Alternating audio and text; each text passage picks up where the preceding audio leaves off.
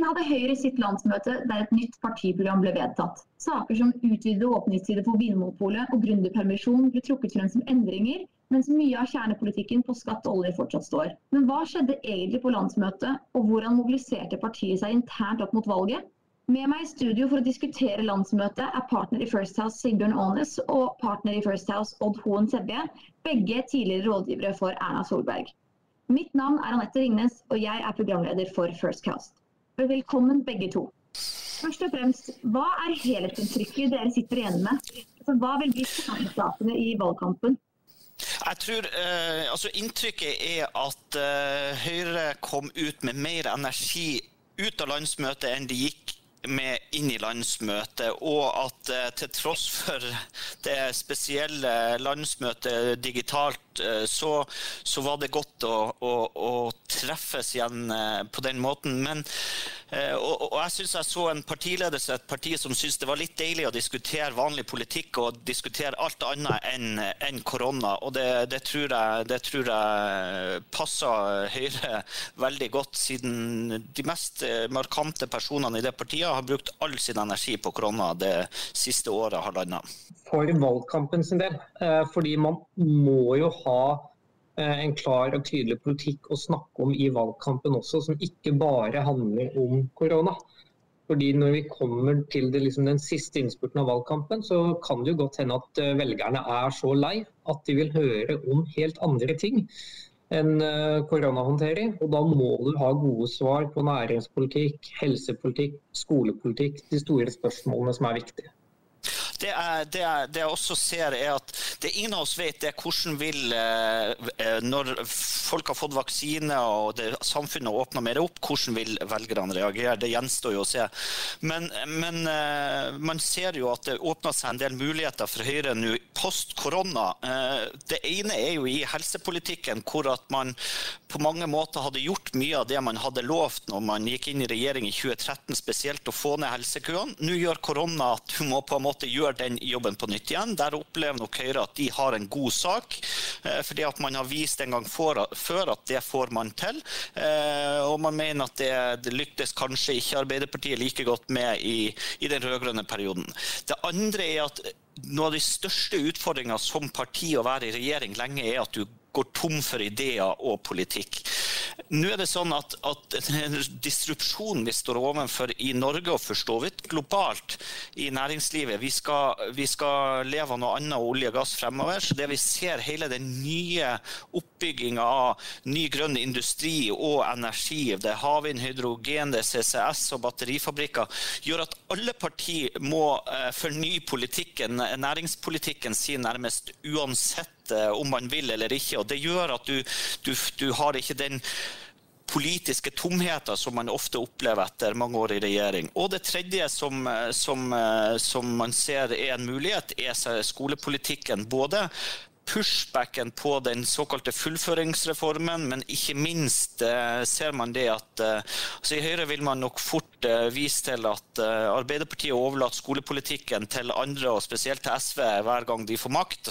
Skolepolitikken ikke, dermed ikke er viktig nok for Arbeiderpartiet. Og så kan man vise til Oslo-skolen og resultatene der, hvor det har vært betydelig, betydelig uro. Så, så jeg ser mange, mange forståelsespåere mener at, eh, at, eh, valget nærmest er avgjort. Det mente man også for fire år siden. Jeg tror det kan bli, bli spennende. Så, og det vil bety, bety, en del for næringslivet hvordan det blir. Eh, man vet at fortsetter denne regjeringa, så, så blir det stort sett eh, som det har vært eh, tidligere, når reduksjon i, eh, i skatte- og avgiftspolitikken.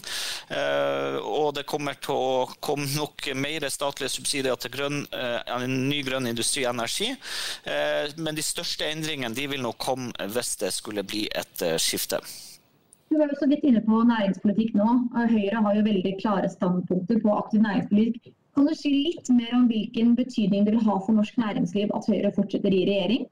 Du, du kan vel kanskje si at uh, det handler vel så mye om hva som skjer hvis de ikke fortsetter. Uh, fordi da får de jo inn et nytt politisk flertall som for det første uh, har tenkt å gjøre ganske mye på skatte- og avgiftssiden.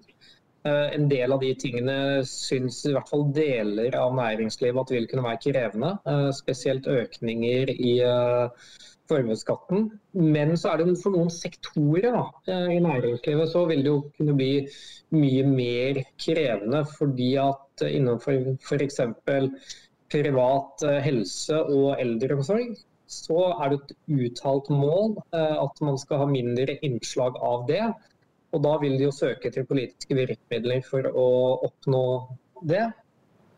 I tillegg eh, så har det jo aspektet med at den rød-grønne versjonen av aktiv næringspolitikk handler jo uh, ofte, i hvert fall når de uttaler seg i media, om, mer, om mer statsselskaper. Altså, de har jo lufta ideer om statlig hydrogenselskap, statlig eh, produksjon av legemidler etc.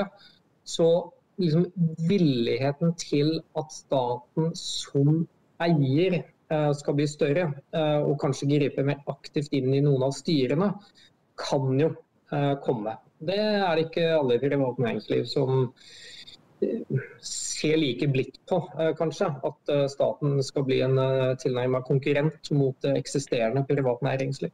Sigbjørn, er du enig i disse vurderingene?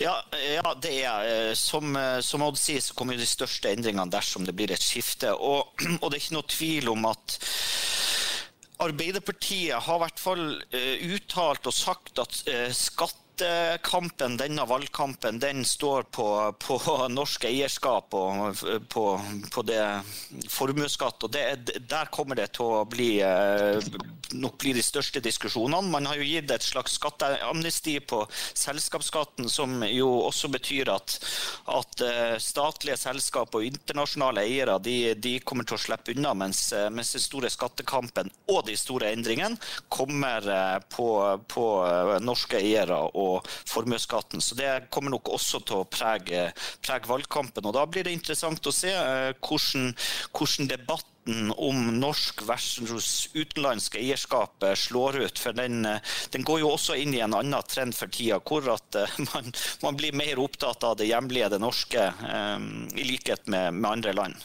Jeg må innrømme at jeg er litt spent på om dynamikken i skattedebatten kan endre seg litt når de har gjort vedtaket sitt om at nå skal formuesskatten fjernes på arbeidende kapital, eh, ikke fjernes på all formuesskatt.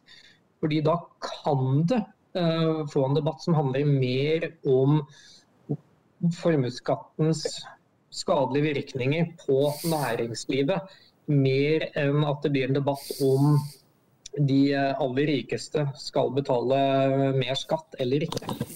Eh, det er klart at Høyre vil jo prøve å pushe det i den retning og peke på eh, at dette handler om norsk eierskap og midler til å investere i arbeidsplasser og bedrifter. Mens venstresida vil nok føle seg mest komfortabel med å holde det på si, den gamle debattplaten, eh, hvor det er et spørsmål om nullskattytere og den type ting som er mer ja, rett til velgerne deres bedre, kanskje. Jeg bare sier at, også at det Høyre og alle partiene på en eller annen måte må, må, svare på i løpet av denne valgkampen, det er jo hvordan man skal finansiere alt som er moro fremover. Der er vedtatt en eh, ganske omfattende eh, langtidsplan for Forsvaret, og opposisjonen har lovt enda mer der. Eh, det kommer før sommeren til å bli vedtatt en tidenes dyreste nasjonale transportplan for bygging av vei og infrastruktur, og det er sågar varsla ei egen luftfart, luftfartmelding til, til, til høsten. Eh, vi vet at vi skal ha ned behandlingskøene på, på norske sykehus. Og i tillegg er det nå et race for å love mest mulig subsidier til havvind, eh, hydrogen, batteri og, og andre ting. Og til syvende og sist skal jo alt dette finansieres. og det tror jeg det kan jo også være grunn til at uh, Høyre, Høyre, vedtok at man skal gjennomføre moderate lettelser i det samlede skatte- og avgiftsnivået. Uh, og Det er nok fordi at man ser at utgiftene framover øker, og alle de ekstra oljepengene som man har nå brukt pga. korona, det skal strammes inn og kuttes ned. Så, så å få dette til å gå i hop, det er en utfordring både for Høyre, men også for alle partier. Ja, ja for det er, det er, ikke tvil om at i tillegg til det Sigbjørn sier, så i tillegg til de utgiftene, så kan man jo forvente en ganske sånn rush av private oppsparte midler som skal inn i økonomien fremover, etter hvert som samfunnet åpner seg igjen.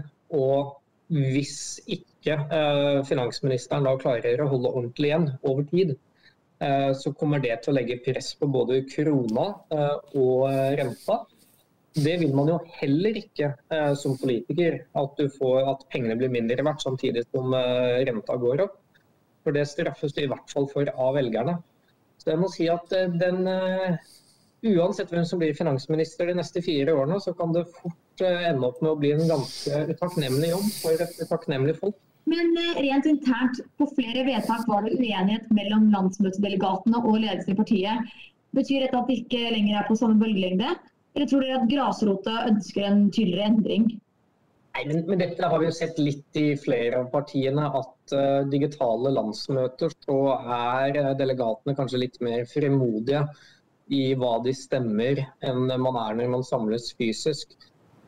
Og I tillegg så er det momentum at altså, ledelsen titter nok litt på samarbeidspartiene sine, uh, bl.a. KrF, i noen av standpunktene. Ta f.eks. kontantstøtte som et åpenbart uh, eksempel. Men Høyre er jo et liberalkonservativt parti. Og i dette tilfellet så ser det ut som det var kanskje litt flere delegater som la mer vekt på de liberale elementene enn de konservative elementene. Så, men for, altså, Høyre er et bredt borgerlig folkeparti. Uh, og da tåler man fint uh, at det er en viss for, hvis strikk i laget mellom eh, ledelsen og eh, landsmøtedelegatene. Og det er til syvende og sist landsmøtet som er suverent. Vi lar det bli siste ord. Nå gjenstår bare Senterpartiets landsmøte og den lange valgkampen. Hvis du ikke allerede følger oss på din foretrukne podkastplattform, så gjerne gjør det. Da får du alltid servert den nyeste episoden rykende fersk. Og hvis du vil vite hva vi tenker om landsmøtet til Arbeiderpartiet, SV, Venstre eller KrF, finner du det i vårt arkiv. 4.-6. juni har Senterpartiet landsmøte, så vi ses da. Ha en fortsatt fin dag, og tusen takk for at du lyttet til First Cast.